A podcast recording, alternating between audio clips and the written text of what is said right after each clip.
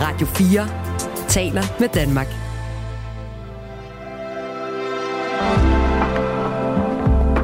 Velkommen til det sidste måltid. Og mit navn det er Kasper Risgaard. Jeg er normal producer for det sidste måltid, som jo er programmet, hvor at Lærke Kløvedal hver uge inviterer en gæst ind til sit sidste måltid, hvor hun samtidig har skrevet personens nekrolog. Vi er simpelthen gået på pause, lige nu en lille julepause. Derfor så er programmet også en smule anderledes i dag. Jeg har nemlig fundet tre tidligere gæster og tre af deres retter frem til dig, som du skal lytte til den næste times tid. Og fordi det her program det bliver sendt juleaften, så har jeg forsøgt at gå efter et udvalg af tidligere gæster, som også har et eller andet med jul, eller er blevet sendt i juledagene, sådan så der forhåbentlig kan sprede sig en rigtig god, hyggelig stemning hjemme hos dig, eller der, hvor du nu end måtte lytte fra. Og det er et rigtig godt program, vi har i dag. Vi skal nemlig have fat i en balletmester, en tidligere minister og en dramatiker. Vi skal også have fat i to måltider, som er nogle rigtige programklassikere, og et enkelt måltid, som vi faktisk ikke har fået før i programmet. Så jeg synes egentlig bare, at vi skal gå i gang og springe til det her highlight-programs første gæst. Og det er balletmester ved den kongelige ballet, Nikolaj Hyppe. Hvis du nu lige tænker, uh, hvem er det nu lige det er, så er det jo faktisk også ham, som de fleste nok har set på skærmen, når der bliver sendt vild med dans, fordi der er nemlig en del af dommerpanelet.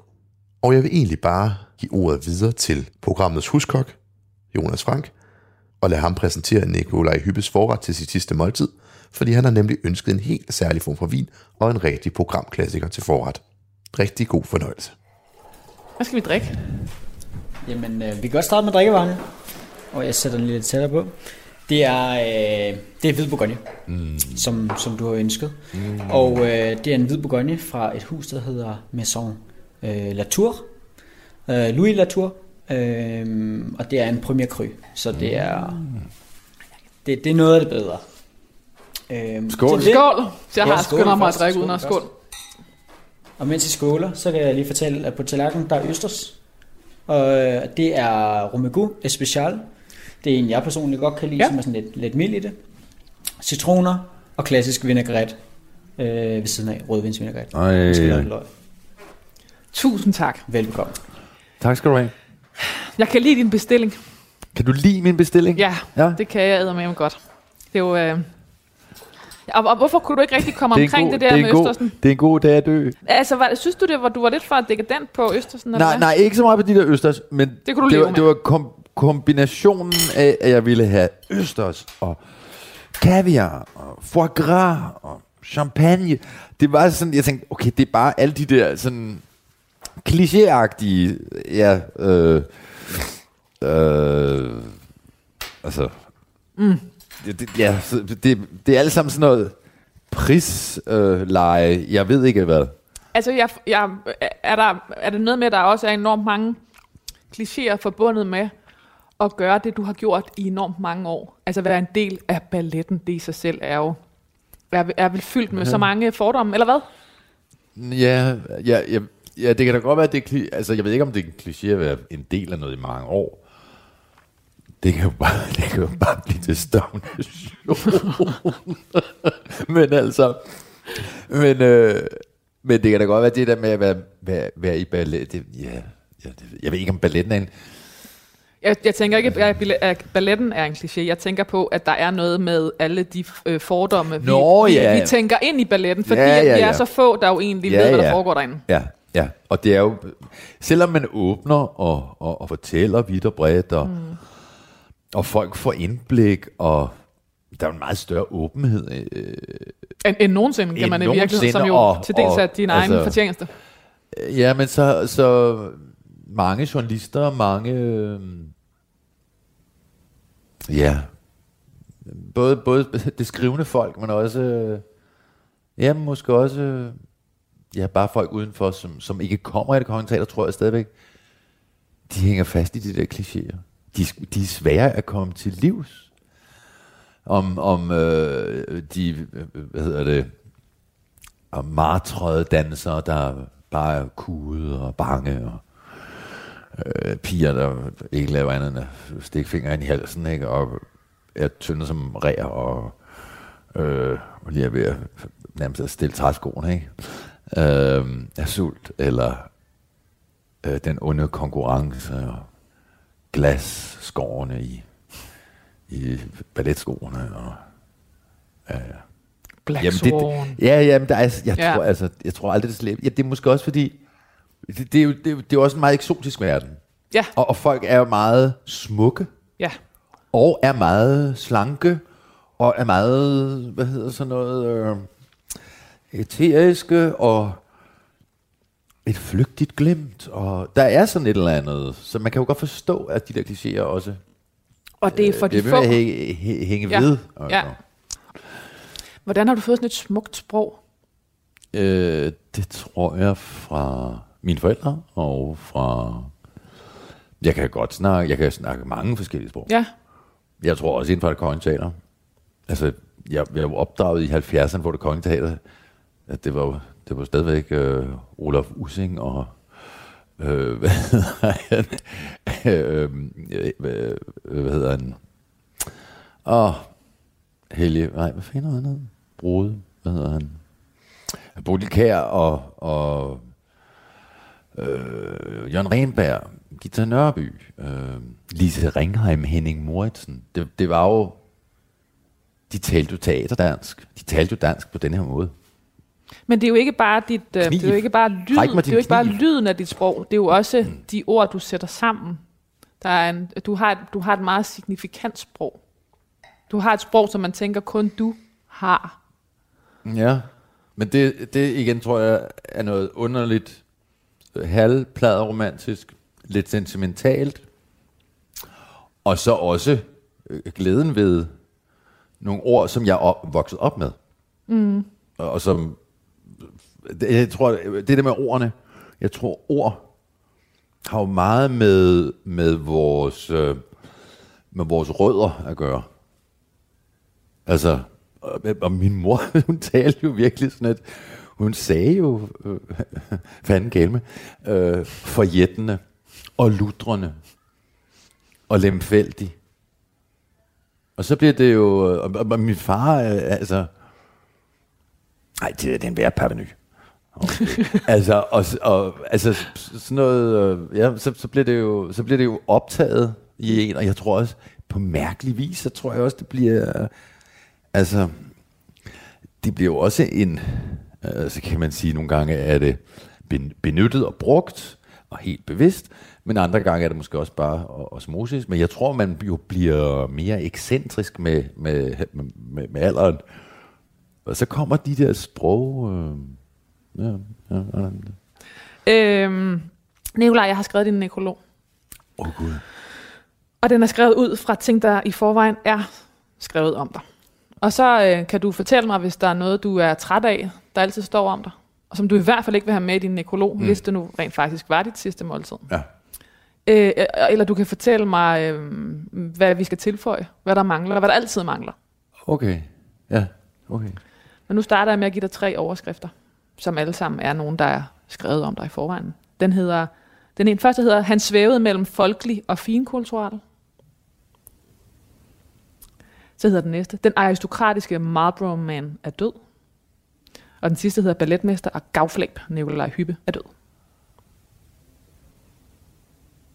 Ja, ja. Det, det, er jo, ja, det er svært at vælge med. Det, det passer meget godt altså.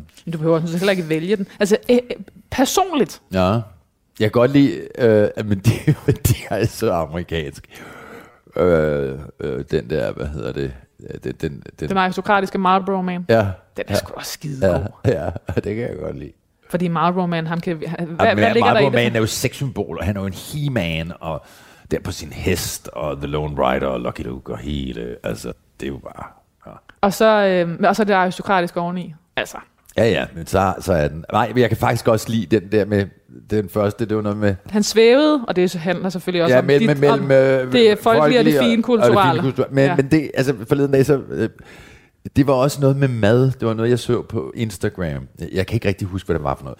Men det var noget med, Alban Lendorf havde. Ja. lagt op, og det var noget, han skulle, han skulle tale om en, der havde betydet noget, og det var, så snakkede han om mig, og så, og så skrev han det sådan noget, øh, øh, øh, øh, øh, lige del champagne og lige del bajer.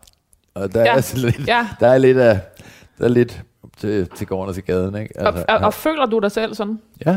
Ja. Meget. Og også, også altså det er ligesom uh, udgårdsloge, ikke? Du kan, du kan færdes i begge verdener. Du kan, du kan være, du kan, ja, men det er der jo, der er jo noget, altså der er jo noget, jeg har også noget, øh, jeg, jeg, jeg altid, jeg har, øh, når folk, gud, hvad, jamen, hvor, hvor er det, det der talent, det er Guds benådet. Ja, eller også er det fanden selv. Mm. Det, du, jeg, altså, kommer det fra neden, eller kommer det fra oven? Det er der ingen, der ved. Og der er noget med en hårfin... Øh, Kender du ja. det, Bliksen også har sådan noget med, at hun går ved siden af, af, af djævlen. Djævlen gør hende følges ved næsten sådan helt faustagtigt, sådan helt ja. Ja. Øh, gennem hendes, hendes øh, det, skriverkarriere. Jeg vil ikke sige, at djævlen har gjort meget, mig, hvad hedder det, følge, øh, men, men jeg kan godt forstå den der, mm. øh, at, at det, det er fuldstændig øh, divine, al- altså det, det er politiske ja. og det dionysiske i, i en eller anden form for, det, det kan, Og det gale og det geniale. Ja, og, ja, sådan noget. Ja, ja. Hvorfor og, siger og du, at virkelig, djævlen... hvad hedder det, gadedreng og, og marmorgulv valsemand, ikke? Altså, Jo. ja. Og øh, du kommer, di, din far var øh, øh, læge, og din mor var lærer. Mm. Der er jo også et... Øh, der, der er vel også et, der er også et, et ben i hver. Ja, ja. Øh. ja og min, og min far var, eller er, øh, hvad hedder det, meget... Øh, han er altså... Han er, han er ordentligt ikke... Øh, han er ikke øh, kirurg, altså han er kliniker, ikke? Altså, øh, og min mor er meget mere taktil, meget mere... Øh, øhm, når, når, hun, når hun lavede mad og rørte i en sovs, ikke? Så ja, nu, nu er det jo ærgerligt, det er ærgerligt, det, det er en podcast, der ikke er billede på. Men så gjorde hun sådan her med munden.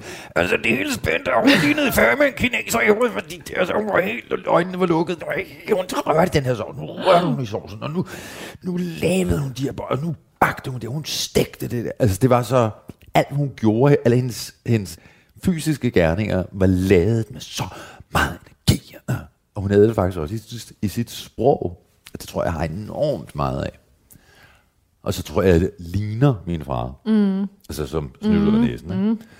Fuldstændig. Min, min farmor, hun kaldte mig for Per og ham for Nicolai. Altså, det var et, det var et fedt, fordi vi, vi, vi, vi ligner hinanden så meget. Var du, øh, nu starter jeg med at læse en nekrolog. Nå ja, ja, jamen det er også det. Som ung danser var Nikolaj Hybe kendt for sin nærmest endeløse spring, og for at have transfor- transformeret sig selv fra klassisk birolle til absolut stjerne i verdensballetten. Med disciplin, vilje og legesyge var der næsten ikke noget, der ikke kunne lade sig gøre for Nikolaj Hybe, balletdanseren med det skarpskårende ansigt, der med alderen kun blev smukkere og smukkere. Du sidder med åben mund på løber. Men det, kan man, det er jo godt, når man er død, der står sådan noget. Fordi hvad sker der, når man er levende? Ah, fordi det var altså... Øh, det, det er sådan lidt... Øh, spise brød. Nej, det er fint, når man er levende. Men det er jo også, det er jo også spise brød til, ikke? Altså, Du, der er noget, du har brug for noget baggårdskat her, kan jeg fornemme. noget, noget, hvad for noget? Noget baggårdskat. Ja. Ja. ja. Nej, men det, det er jo fint. Det er godt. Bliv ved. Bliv ved, lad mig læne nej, mig nej, det er tilbage. fint. Det er fint, det er fint. Det er øh, godt. Øh, Det er dejligt. Man skal bare tage imod og sige tak med kysshånd. Men du har lyst til at sige, hvad fanden har du gang i? Nej, det er jo sådan meget, det er jo enormt forbundet, altså. Ja. Der er noget med det endeløse spring, som på en eller anden måde blev dit, øh, ud, af mange varemærker, men i hvert fald har været et af dem. Øh, Jamen, jeg tror, at det der spring, det var der måske nogle år. Øh, Jeg hoppede, kunne hoppe højt. du, punktum. Jeg går op højt. Jamen, så... Så lige pludselig kunne jeg ikke hoppe så højt. Men det er ligesom på en eller anden måde blevet siddende i... Øh, Ja. Nu, nu skal ret Jeg kan være også godt lide at hoppe. Ja, Jeg kan lide at springe. ja. Ja. Men, Men det er jo også smukt. Det er jo dejligt at se folk springe. Og der er det der, hvis folk har et virkelig flot flyv, Jeg tror, det sætter... Det, jeg tror, det har noget med, hvis du sidder og kigger på det, så der må det have noget med publikums og vores alles fælles, vi har, vi, der er jo sådan, vi, vi har jo alle sammen øh, på et eller andet tidspunkt i vores liv, eller i hvert fald i, i menneskets historie, har vi altid ville flyve. Mm. Det, at tage fly, det at lette over jorden. Og det var både noget med, med frihed at gøre, og med flugt, og med øh, den, en direkte linje. Altså op og så bare afsted. Der er ikke noget, der, er ikke noget, der forstyrrer. Mm. Der er ikke gader og træer og bakker og bjerge. Og, Men befriet. ja, Ja. Øhm, så der er mange ting i det der, og jeg, jeg tror altså, det der med en danser, der hopper højt, mm. eller en basketballspiller, som kommer op og dunker, det er jo, det er jo så vildt, mand. Det, det, det er som om, i, i, i, i, i nogle sekunder, så ophæver de tyngdekraft. Altså, mm. det er som manden på månen, altså. Det er Øh, magien. Og det er, Ja. det er, det, det er noget, der taler til, til os som mennesker. Altså, tror jeg, det der øh, flyveinstinkt, altså frihedsinstinktet. Men sig noget pæ- mere pænt. Mere på, tilbage til, til, tilbage til Altså, nekrologen. tilbage til mig. øh, skulle vi tale lidt om mig? Nikolaj Hyppe fandt uhørt tidligt sit kald i livet, da han som femårig så Nødeknækkeren på det kongelige teater med sine forældre. Man forestiller sig, at det var ballettens vekselvirkning mellem magi og stringens, der tiltalte den unge hyb. Det var i hvert fald en dobbelthed, han i sit virke kom til at lemliggøre. Tilværelsen i Hellerup blev skiftet ud med de skrå brædder, da han som 10-årig blev optaget på det kongelige teaters balletskole. Og det var sent, ikke? Altså, er det, det er sent som en balletdanser, eller hvad? Nej, det er vist meget... Det er mellem øh, 6 og 12. Okay, så du lå sådan set fint i midten. ja, det var sådan Men øh, bare lige forklar mig, du boede i, i, øh, du boede i- i København på det tidspunkt, da du så Nødeknækkeren, og, og fik, Ja. dit, fik dit meget unge kald. Ja, mit, kald. Mit Dit kald, dit ja. femårige kald. Hvem fanden har nogensinde fået et kald Ja, som femårig? Andre end dig. Vocation. Altså, er det, en, er det en fortælling, fordi du blevet spurgt om det så mange gange, eller var det sådan, det var? Det var sgu kraftedeme sådan, som det var. Altså, hvem, hvem i alverden har, får en åbenbaring som femårig? Det gør du. Det kan jeg love dig for. Jeg ville ønske at gøre det en gang til. Jeg ville ønske, at jeg kunne gøre det en gang til. Det, det, er jo, det er jo... Det kan du jo ikke, for det er jo... Altså, Radio 4 taler med Danmark. Og du hører det her Nikolaj Hyppe, som jo er balletmester ved den kongelige ballet, og også kendt fra programmet Vild med Dans, hvor han er dommer.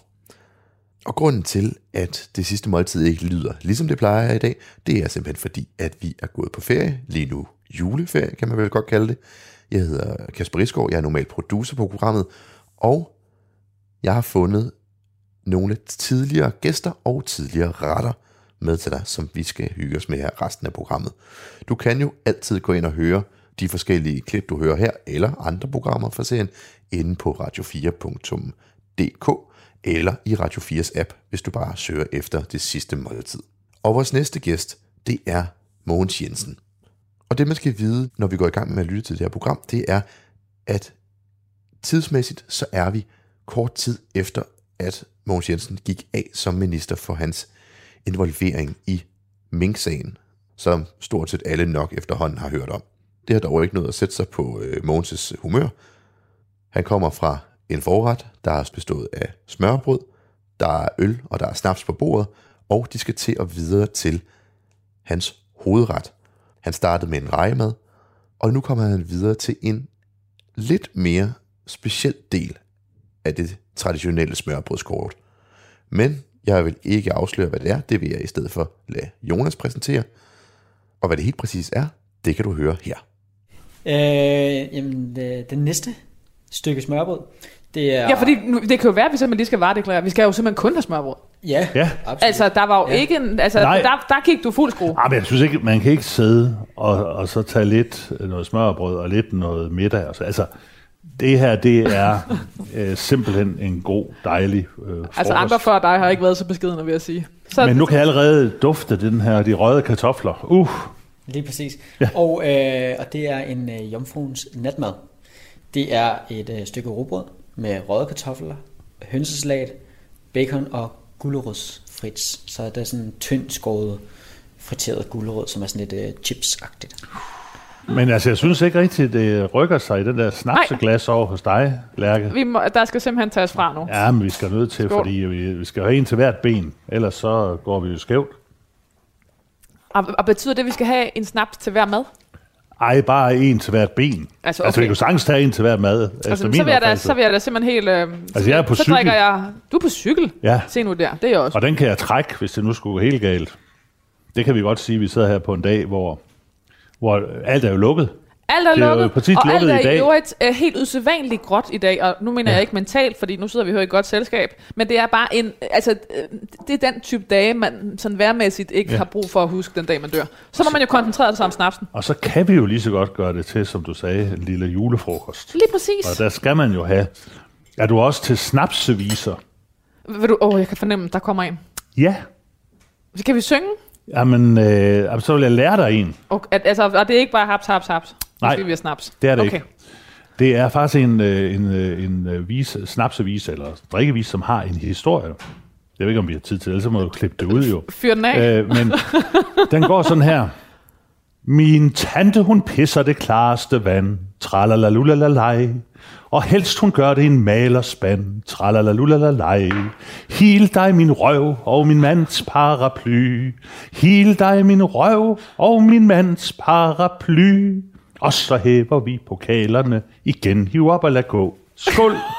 Mås, det er en meget kompliceret drik, ja, ja. den får ja, lov. men du...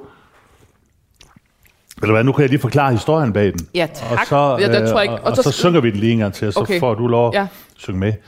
Jeg kommer til at mundaflæse hårdt på den sang. Ja. Men det er simpelthen gode gamle Halvdan Rasmussen, Aha. som jo var en af Danmarks helt, er en af Danmarks helt store poeter, har jo skrevet rigtig mange digte og, øh, og sange.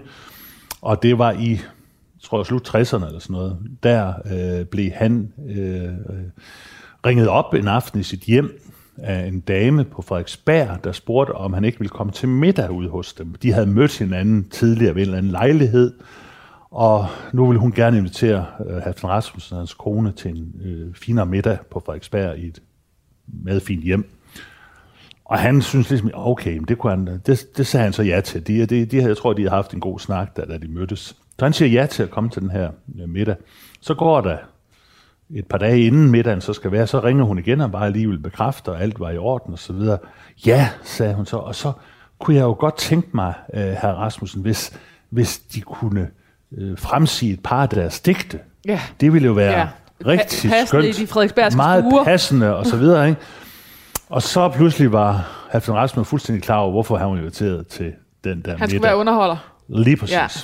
Så der sker det, De havde simpelthen købt øh, en god underholdning for, en, for, for et måltid mad. Ja, og Halvdan og frue møder op, og det er et meget fint hjem med kandelabre og folk i stiveste pus og så videre, ikke? Og da vi så kommer hen i øh, middagen, så øh, siger værtinden der, Ja, jeg er jo så stolt over, at vi her i aften har en af Danmarks store poeter, mine damer og herrer, som har tilbudt her i aften at læse lidt op af sine øh, digtsamlinger. Mine damer og herrer, jeg giver dem Halvdan Rasmussen. Og så klappede folk og gjorde ved, så rejste Halvdan sig op, tog en lap papir op af sin lomme og sagde ja. Han var frygtelig bæret over at inviteret, blive inviteret her sammen med øh, hans kone, og han har skrevet et digt til lejligheden. Det kommer her. Og så kom den. Min tante, hun pisser det klareste vand, og, og så blev øh, bestikket begyndte jo allerede at køre. Tralalalulalaj, og helst hun gør det i en malerspand. Tralalalulalaj. Hil dig min røv, så kørte bestikket jo igen, og min mands paraply. Hil dig min røv, og min mands paraply. Tak. Og så satte Sådan. han sig ned, ikke? Jo, og så og det er blevet til drikkevise. Se, øh, så skete der det efterfølgende, og det er der, jeg har lært den at kende, at øh, Halvdan Rasmussen fik sine digte trygt på øh, øh, Arbejderbevægelsens trykkeri, Dansk Andelstryk. Hvis direktør Kjell Jensen øh, hørte den her historie af Halvdan, og så blev det til i Dansk Andelstryks bestyrelse til hver jul under julefrokosten, så øh, gik Kjell Jensen op, stillede sig på bordet, gik hen over bordet og sang Så har han så fået sat øh, musik til denne tekst, og sang den sang, som jeg øh, lige har sunget for dig her. Og så skulle alle de andre synge med, og alle skulle forpligtige sig til at gå ud og brede den ud i resten af verden. En af dem, der sad til den øh, frokost, det var formanden for bogbindernes fagforening i København, Jens Brinklund. Det var ham, der ansatte mig i sin tid i LO, og så lærte han mig sangen, og skulle sørge for, og sagde, at jeg skulle sørge for at brede den ud. Og det har jeg da, synes jeg, gjort nu her. Ja, det, altså, det, jeg synes, på den alle måder, du har Men gjort så skal du jo lige, så skal vi jo have den igen, og så Okay. skåler man så bagefter. Okay. Mimin, tante hun pisser det klareste vand. Tralalulalej. Og helst hun gør det i en malerspand. Tralalulalej. Så kommer røv. Hil dig min røv og min mands paraply. Det gentages. Hil dig min røv og min mands paraply. Og så hæver vi pokalerne Og igen. Hiver i- op og lad gå. Skål. Se nu der. Yes. Nu er den givet Nu videre. kunne du da.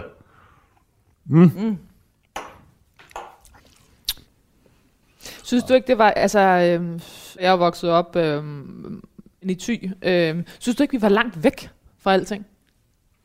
Og bo der. Ja, og sådan mentalt. Altså, synes jeg synes, Nej.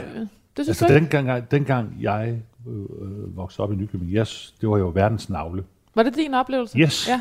Og det var jo fordi, jeg var så engageret i alle ting. Ja. Altså på, på, på, på skolen gik jeg ind i, i elevrådet, og jeg var med til at lave projektduer, jeg var med i koret, jeg var, øh, hvad hedder det, øh, redaktør af skolebladet, og du ved... Så du fik verden til at ske omkring dig? Ja, Ja. og der var det virkelig en helt anden oplevelse at komme til København, og jeg havde at bo i København i det første halvår. Øh, Det tog vel to år, tre år, sådan virkelig at komme til at Jamen, holde du kom vel også fra en virkelighed, hvor din mor lige var død. Du havde en følelse af, at du havde forladt din far. Ja. Eller det ved jeg ikke, nu er det mig, der Jo. digter. Men i hvert fald, I havde, I havde i hvert er fald rigtigt. kigget hinanden i øjnene på en eller anden måde og sagt, det er okay. Og han havde sagt, du skal rejse. Yes. Og så, så kom du fra at gå op og ned ad gågaden, der tog 10 timer, og så kom ind på Ja. strået, hvor, hvor jeg formoder, Ingen- ingen vidste, hvem du var. Ja, præcis. Og det er, jo, og det, det er i hvert fald det, jeg husker som det. Altså, man følte sig virkelig øh, ikke velkommen i København, og der var ingen sådan nære fællesskaber. Jo, de nære fællesskaber, jeg havde, det var dem, jeg arbejder sammen med der på DSU's landsforbund, fordi det var jo også, der arbejder man jo nærmest 24 timer i døgnet. Det var jo et ønskejob for alle som unge at blive ansat i deres hobby, havde jeg Ja, sagt, ja. eller deres... Øh, øh, så, så det var en kæmpe mulighed. Men, men jeg synes virkelig, der hvor jeg boede, at man kendte ikke andre i opgangen, og der blev ikke gjort meget ud af det i Nykøbing. Der kendte man alle, der boede omkring en og så videre. Og det er jo bare forskellen måske på at bo i en lille by og bo i en stor by. Var der noget med, øh, i, i, i form, forhold til at være homoseksuel, og at, at der var et, et, en, en luft ved at komme til København, eller kom det meget Nej, senere? i Ja, det kom meget senere, Okay. for jeg var, slet ikke, jeg var, jeg var ikke øh, sprunget ud på det tidspunkt. Jeg var, jeg var godt klar over, at jeg var tiltrukket af, af fyre. Øh, øh, det, kunne, det kunne jeg jo mærke. Øh, men jeg slog det hen som, jamen det var nok, øh, jeg, det var nok sådan noget, jeg var nok sådan til begge sider, han er altså biseksuel, ikke? Og det var jo mere, fordi det var en bedre forklaring. Du kunne ikke overskue det, eller? Nej, altså det var jo normen, var jo, at man var til piger og så videre, ikke?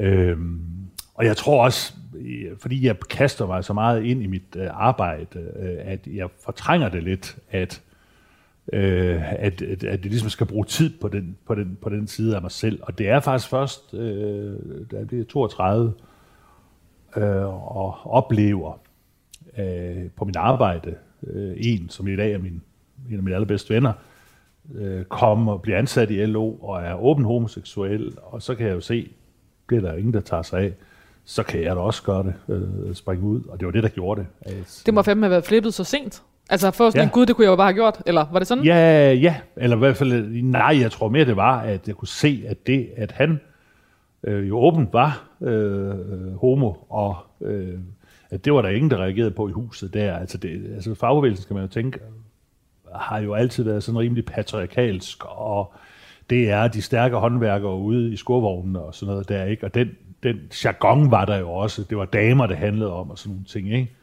Og der kunne man jo godt være lidt, øh, det var jeg i hvert fald nervøs for at springe ud, om man så ville blive set ned på, eller så videre, ikke?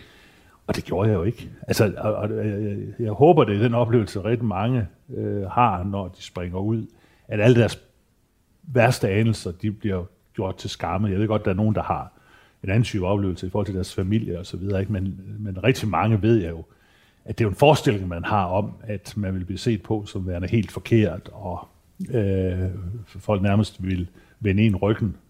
Og det skete jo slet, slet ikke. Altså jeg, øh, jeg, jeg var virkelig overrasket over, hvor, øh, hvor almindeligt det blev taget, og øh, nærmest sådan, nå ja, men det havde vi nok egentlig på fornemmelsen, og så videre, og så videre, ikke? Hvordan er det egentlig at få at vide, at det havde man på fornemmelsen? Ja, det er så lidt mærkeligt. Ja, er det ikke det? Jo, det er så lidt mærkeligt at få at vide, ikke? Øh, Men, men, men det gør nu ikke noget. Altså, det, Jamen, det har det selv haft. Man er kommet med sådan nogle store erkendelser, som man har brugt tid Ja. på at sige højt, og så siger folk, det, Nå, det, overrasker mig ikke, eller det vidste jeg da godt, som også kan være sådan lidt, Ja, men jeg tror egentlig bare, jeg må sige, at mit springen ud var helt udramatisk. ja, Øh, øh, det var det virkelig. Både i forhold til venner og, øh, og, øh, og familie. Og det er også det, jeg har givet god råd til andre, at, at, øh, at, at man forestiller sig så mange ting. Men det er virkelig noget, man forestiller sig, fordi at the end of the day, så elsker folk dig for den, du er. Øh, og hvis man ikke gør det, så er det de mennesker, der er noget galt med. Øh, og, og det har været min, det har været min, øh, min egen oplevelse. Ikke? Mogens Jensen er blevet beskrevet som en øh, partisoldat, og detaljeorienteret grænsende til det pedantiske. Det skriver alting. Men bag den generiske statsmandskarakteristik gemte der sig samtidig en livligere skikkelse. De fleste politikere er opmærksomme på, at humor er et vigtigt øh, politisk redskab, men det er de færreste, som har det i deres magt. Her var Mogens Jensen en glædelig undtagelse.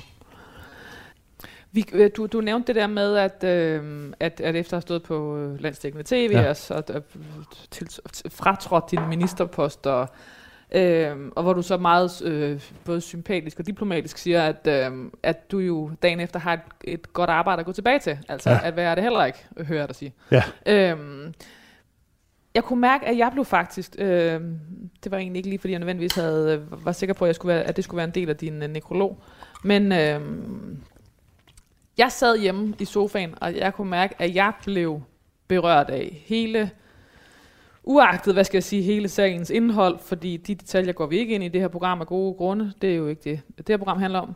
Øh, men din departementschef, som hedder Henrik, eller hed, Henrik Stusgaard, eller han hedder stadig Ja. Henrik Stusgaard, men han er ikke din departementschef længere, han sagde til sin afskedstale, øh, vores system har fejlet, vi har ikke hjulpet dig godt nok.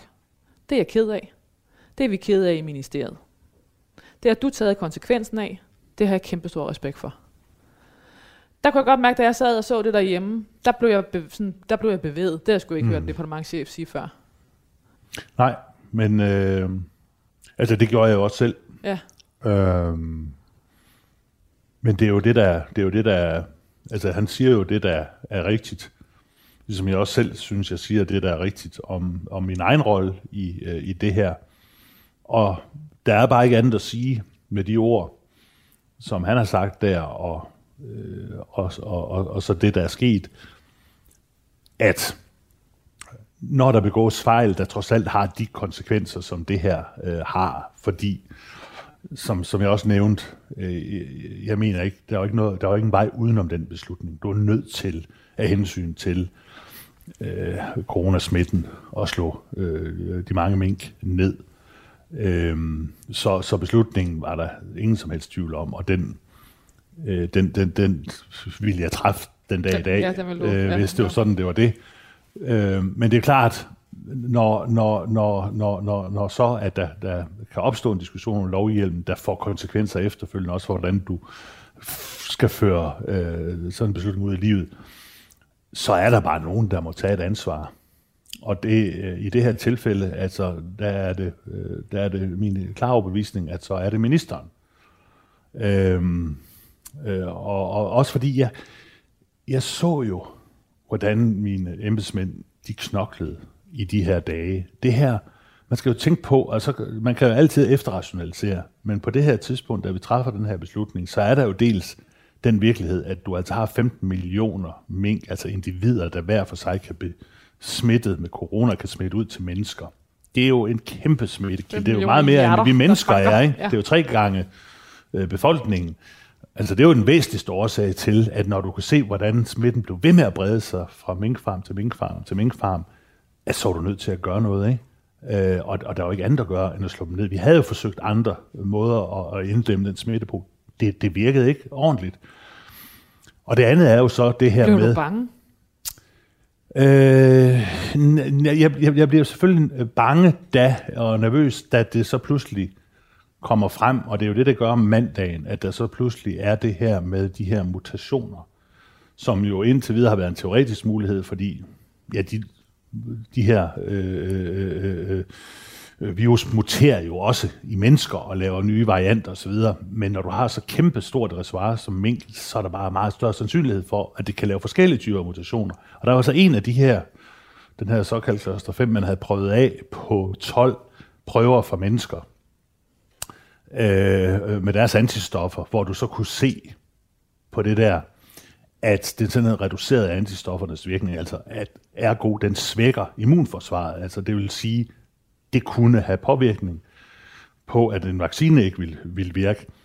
Da du får den oplysning, og nu er det også prøvet af i et laboratorium, så er det jo, at det ekstra, ligesom, fordi så tænker man scenariet, den her, det er på vej ud i Man tænker, samfundet. Wuhan.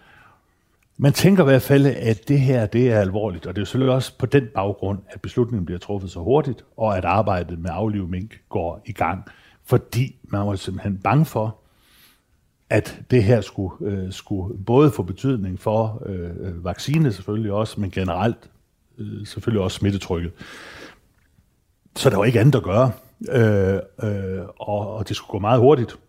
Og jeg så, hvordan embedsmændene knoklede. Folk, der ikke kom hjem til deres børn og whatsoever. Ja. Øh, og så sker der fejl, og det skete der her. Og det sker der jo af og til, når ting skal gå hurtigt. Og, jeg, Men jeg og, tror og der er ingen, der har gjort altså- det. Jeg kan ikke virkelig sige, at der er nogen, der har gjort noget med vilje her. Det er der jo ved Gud ikke. Hvad skulle motivet dog være til, at øh, man ikke fortalte øh, eller fik op øh, på politisk niveau, at der ikke var hjemmel til det her? Hvad skulle, hvad skulle, hvad skulle, hvad, hvad skulle motivet være hos embedsmændene? Og i øvrigt, hvis vi vidste det som politikere, hvad skulle motivet for os være til at skjule det? Fordi du har jo mange gange under det her coronaforløb skulle øh, træffe beslutninger, eller har truffet beslutninger, der efterfølgende skulle skaffes lovhjem til, så har man jo bare sagt det i forbindelse med præsentationen. Hør her, vi vil gerne slå alle mink ned, det skal vi skaffe lovhjem til, derfor kommer der nu et forslag til hastelov, der skal gennem Folketinget. Det var jo det, der ville være sket her, hvis vi havde vidst det. Men det korte lange er bare, jeg synes ikke, jeg kan klandre mit embedsapparat, fordi de havde så... Og jo, det kan man formelt. Det er jeg helt med på. Men reelt, så er der ingen af dem, der har gjort noget ondt vilje. Og i, i sidste ende, så er det altså ministeren, der sidder øverst der og må tage et ansvar, øh, når noget går galt. Og det er det, jeg har gjort. Nå, men øh, det, Vi skal- det, vi skal det tager vi altså lige vi en skal have de snaps der på. ben til jeg at tror, gå. vi skal, jeg tror, den skal bundes her. Det, efter det her, det tror jeg. Modtaget. Ved Folketingets åbningsgudstjeneste i 2018 nægtede Mogens Jensen at deltage, fordi præsten var fjendtlig indstillet over for homoseksuelle. Og ligesom humoren var den rebelske side også kommet til Mogens Jensen tidligt i livet. Nu får du lige en anden historie på samtidig, den hedder, som ungt avisbud opfordrede han til at gennemføre en strække for højere løn for det politiske spiret allerede i Jensen. Det er jo selvfølgelig, der er, lidt, der, der er langt fra, at, at du har stået som ung avisbud, og til du har i 2018 øh, nægtet at deltage i en, øh, i en åbningsgudstjeneste. Øh, hvad gjorde det ved dig øh, med, øh, med, med Folketingets åbningsgudstjeneste? Altså, at, øh, at der var en præst, der på den måde ikke repræsenterede det, du selv står for, eller også står for? Ja, ja men altså, det, det synes jeg bare øh, var et forkert valg Ja. øh, af, af, af præst til at, at forestå en gudstjeneste for hele Folketinget, og som er officielt. Jeg, jeg øh, respekterer jo folks øh, øh, øh, ret til at have egne meninger, og selvfølgelig også præsters øh, ret til at have, have egne meninger. Øh, jeg synes bare ikke, det var passende øh, Øh, at bede en præst, der lige præcis havde det synspunkt om at holde åbningsgudstjenesten. Og, og, og man øh, har, det er jo ikke påkrævet, at man er til stede, og så valgte jeg ikke at være til stede, for ligesom også at signalere, at jeg er- er meget uenig i, i, i det synspunkt. Og det var jo, og har været en, en, en længere diskussion, der har været i, i Folkekirken, som jeg selv er medlem af, hvorvidt at øh, det skulle være muligt at øh, for eksempel vide øh, som homoseksuel i folkekirken. Og det kan jeg bare ikke se nogen som helst øh, grund til, at det ikke skulle være. Øh, øh, og, og, og det var derfor, jeg reagerede, som, som jeg gjorde. Også når du politisk er vi jo nogen, der har arbejdet lang tid for, at det skulle kunne lade sig gøre. Og det ender vi jo også med at gennemføre under øh, Helle thorning Smiths øh, regering, at det også er muligt at gifte sig som homoseksuel i kirken. Og det var på tide. Radio 4 taler med Danmark. Det her det var et klip med Mogens Jensen, som jo nu her sidder som medlem af Folketinget.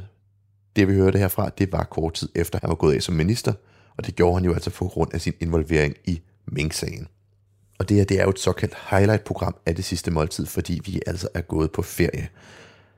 Og derfor så har vi fundet nogle tidligere klip frem, som du altid kan gå ind og høre i sin fulde længde inde på radio4.dk eller i Radio 4's app, hvis du bare søger efter det sidste måltid. Og med det så skal vi også videre til den sidste gæst, jeg har fundet frem i dag. Det er Nicoline Wertelin, som er tegner, dramatiker og brevkasseredaktør. Og hun har valgt en rigtig programklassiker til sin dessert. Og jeg vil egentlig ikke sige for meget om, hvad det er eller noget. I stedet for vil jeg bare kaste bolden videre til Jonas og lade ham give præsentationen. Og den præsentation, den kan du høre her. En, øh, en klassiker, og øh, relativt simpel, og så alligevel ikke. Øh, jeg tror, der er rigtig mange, der går galt i byen med det, når de skal lave det derhjemme. Øh, det er creme brulee Ja. med stærk kaffe og kold mælk. Sådan. Tak. det var virkelig... Øh, tegneserietegner. Du, du kendte kun øh, Tintin og Anders And. Der, var, der, der, der, der kan ikke have været mange, i hvert fald ikke danske forbilleder, som ung kvindelig tegner. Ja, nej, jeg, jeg, kendte altså også Logier og Pretiché som ung voksen. Og, Så du, det er lidt for simpelt og, og, skrevet. og prins Valiant. Ja, selvfølgelig. Vi kender jo alle prins Valiant, om ikke andet på håret.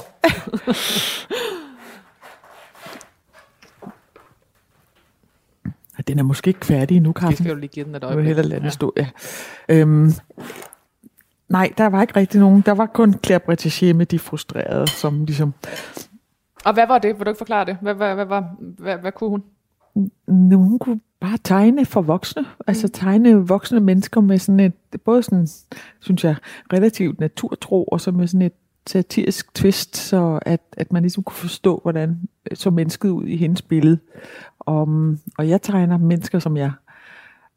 Jeg tror, at jeg tegner helt naturalistisk, men, øhm, men jeg kan jo godt se, at folk synes, jeg har en streg, og at jeg har et blik øh, på, på mennesker, og nogen synes, jeg tegner grimme mennesker, og andre synes, jeg tegner særligt grimme kvinder, eller sådan. Tykke, for tykke mennesker Nå. er der også noget af det, der har stået mange steder. Nå ja, det, De jeg tænker ikke selv sådan. Jeg prøver bare at tegne det, sådan som jeg ser det, og det er sådan en, en, en øjenfejl, som jeg tror er sådan en slags velsignelse af det, at, at der kommer jo altid en tolkning, øhm, også ligesom hvis man skriver, men ja. Jeg kan ikke helt huske, hvor, øh, hvor, hvad det var, jeg skulle svare på konkret. Nej, det var det der med at finde ud af, at du skulle være blive tegneserietegner. Ja. Altså, at det hvordan det, øh, følelsen af at, og, og, og, og øhm, at få det til at lykkes, eller finde ud af, at det var det, du skulle og ville. Jamen, eller? det vidste jeg jo ikke, fordi jeg deltog jo bare i den konkurrence, så vandt jeg den, og så fik jeg lov at, eller så tegnede jeg, øh, så kom de 30 striber i politikken, og så tegnede jeg videre, mens de lå der og proppede dem øh, under bunken. Det var jo fysiske striber, der lå i på en hylde. Fra øh, 1994 til 2004 hed hendes daglige stribe i politikken Homo Metropolis, hvor hun lå stribernes figurer afspejle dansk mentalitet i storbyen omkring årtusindskiftet. Striberne endte som bøger, og Nicoline Wertlin har udtalt, at hun betragtede øh, Homo Metropolis som sit hovedværk. Sideløbende med tegneserierne blev øh, Wertelin også dramatiker og sceneinstruktør og modtog en rømmert for årets dramatiker i både 2001 og 2002. Hun var den mest spillede danske dramatiker i nullerne, og ved siden af de mange striber skrev og instruerede hun syv teaterstykker på otte år. Det er fra en artikel i Politiken. Ja, det, det er lidt forkert statistik, men. Okay. i hvert fald har jeg skrevet ni, hvis man medtager et børneteaterstykke. Nicoline Wertelin var blevet allemands eje og flyttede i 2006 til Berlin, hvor hun oplevede en livskrise og blev ramt af en reel arbejdsblokade. Ja. Er det rigtigt det, Ja. øh, det defineret? Ja, Øhm, ja. Som også, kan jeg jo så regne ud nu, når jeg ser årstallet, må have været samme periode, hvor du, som du beskriver, du fik stress. Øhm, Det var det. det var det. Det var alt sådan- sammen det. Det var, ja, Og min far døde. væsentligt. Øhm, og, og, og, og hvorfor, øhm, hvorfor føltes det rigtigt for dig at øh, rejse til Berlin for at øh, håndtere det? Jamen, jeg, jeg, jeg havde det ikke, inden jeg tog til Berlin. Nej. Altså, øh, da jeg tog til Berlin, var jeg sådan på det, man kan kalde toppen af, af mit bjerg. Ja. Øhm, Altså karrieremæssigt. ja. Ja. Øh, og jeg var fuldstændig tilfreds, og jeg følte, at alle døre stod åbne, og jeg havde fået alt den hurra, og altså tillid fra de skuespillere, jeg arbejdede sammen med, og de teatre, jeg var på, og fra publikum, og hurra, og altså, det var helt okay, både med tegninger, og jeg havde også brevkasten, og med teateret, og alt muligt. Så jeg tror egentlig, at, at jeg rejste fra det, altså, men, men det var jeg bare ikke bevidst om. Jeg troede, at jeg sådan rejste af en overskudsgrund, at jeg ville ned og ligesom inspirere mig. Øhm, men jeg tror egentlig, at, at jeg flygtede fra, fra jeg, ved, jeg vidste godt, at jeg bevidst flygtede lidt fra hurraråbene, forstået på den måde, jeg blev bare sådan forkælet efterhånden, at når jeg kom ind i en forretning, dengang kunne folk kende mig, og fik jeg, åh, du får lige de her oveni, og sådan, altså hvis det var en strømpebuksebutik, eller sådan. Jeg, jeg kan bare huske, at jeg tænkte, at, at hele mit arbejde går ud på at beskrive følelsen af at være fremmed i verden, og lige pludselig går jeg rundt og bliver sådan mærkeligt forkælet, og jeg boede i Hellerup, hvor en del af mine venner boede, så jeg tænkte, det er også rart med små børn, og sådan, så bor jeg i nærheden af dem, men det var også blevet lidt for, for nydeligt det hele. Og jeg synes også, det var blevet meget sådan, det var på et tidspunkt, det var jo 2006, altså, at det var sådan blevet lidt for materialistiske samtaler, vi havde, og jeg havde den fornemmelse, at der lå noget lærdom og ventede på mig. Det var også rigtigt, altså på alle måder. Altså Berlin blev for mig simpelthen et møde med naturen, øh, hvilket jo ikke er det, folk Nej, forbinder Berlin med. Paradox, ja. Men, øh, men fordi at, at byen har været har den historie, den har, så er der enormt mange store ingenmandslandsområder, som, som nu ligesom bare er opstået som naturreservater. Og, og de mennesker, jeg mest faldt i snak med, var hundemennesker. Jeg kom der ned med to bokser og fik en. De døde så, og så kom der en til. Men hvor at jeg havde jo ikke børn i tyske institutioner, og jeg var ikke gift med en tysk mand, og jeg var ikke på nogen tysk arbejdsplads. Jeg arbejdede derhjemme, så det var faktisk en, en hundetræning med, med min nye lille hund, at jeg kom ud blandt de ægte tyskere, de, de ægte indfødte. Så mødte jeg de indfødte gennem hundene, og når man sådan går tur med hund, to hunde, der leger godt sammen, så er man jo nødt til at tale sammen i halvanden time. Ja.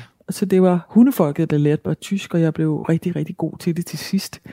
Øhm, og jeg kom til at se så mange af søerne og skovene og områderne og, og også de der store dogwalkers, der kommer til skåne med sådan 20 hunde, der arrangerer sig ind i deres flokhierarki og blev veninde med en hundevisker og det var så hendes venner og træning med hende med traumatiserede hunde og Esther og jeg, Esther det er hunden, og jeg, vi blev terapihundeteam på et tysk plejehjem, og altså det blev, det blev en, en naturrejse, øh, helt modsat det, jeg troede, som var sådan mere cabaret-tyveragtig, mm. en fornemmelse af, at jeg skulle ryge cigaretter og se teater og synge dans på bordene sammen med et stort internationalt forum.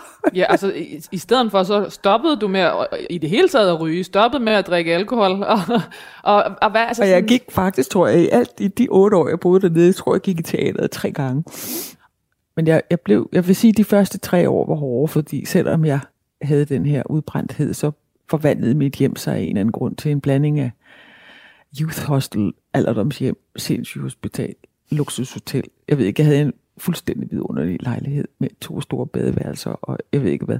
Og altså, jeg kunne ikke rigtig holde min dør lukket. Øh, så der kom alt for mange mennesker. Jeg fik, jeg fik ikke rigtig tid til at, at være en berliner, før efter jeg ligesom fik stoppet det, det flow.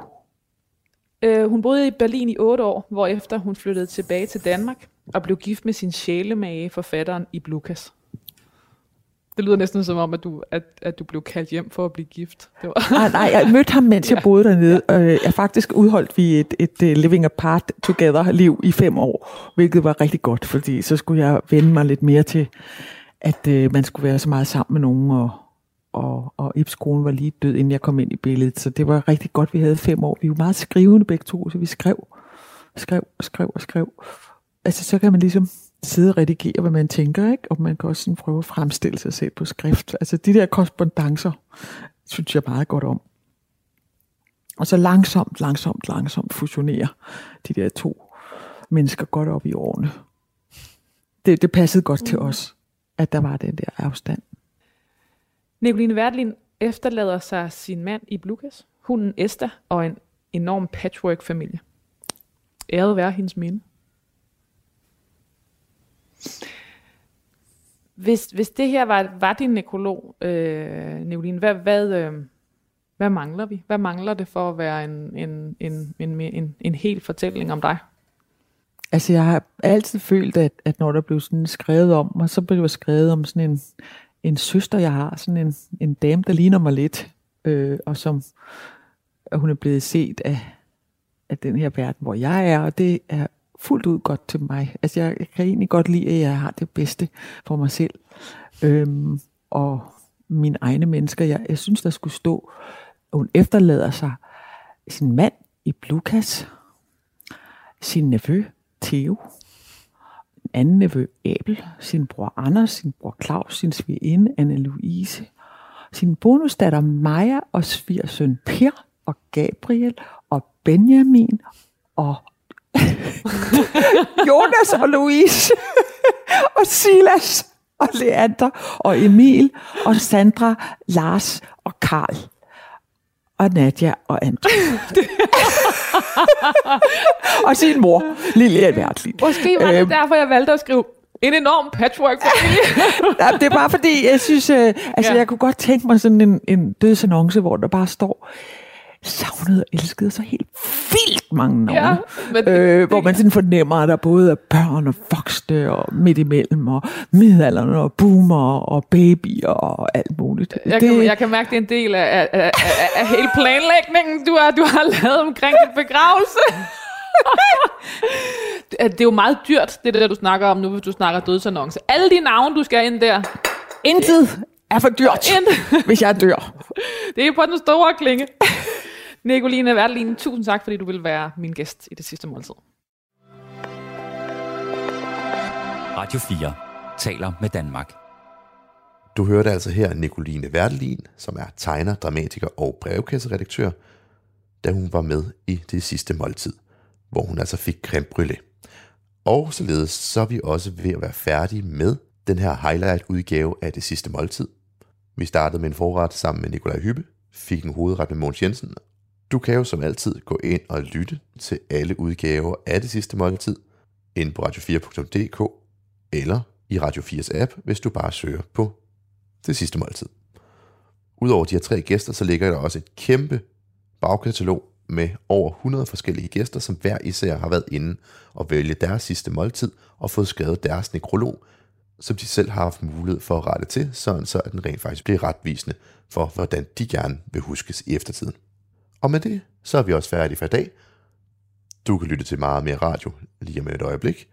Tusind tak, fordi du lyttede med, og have det rigtig dejligt.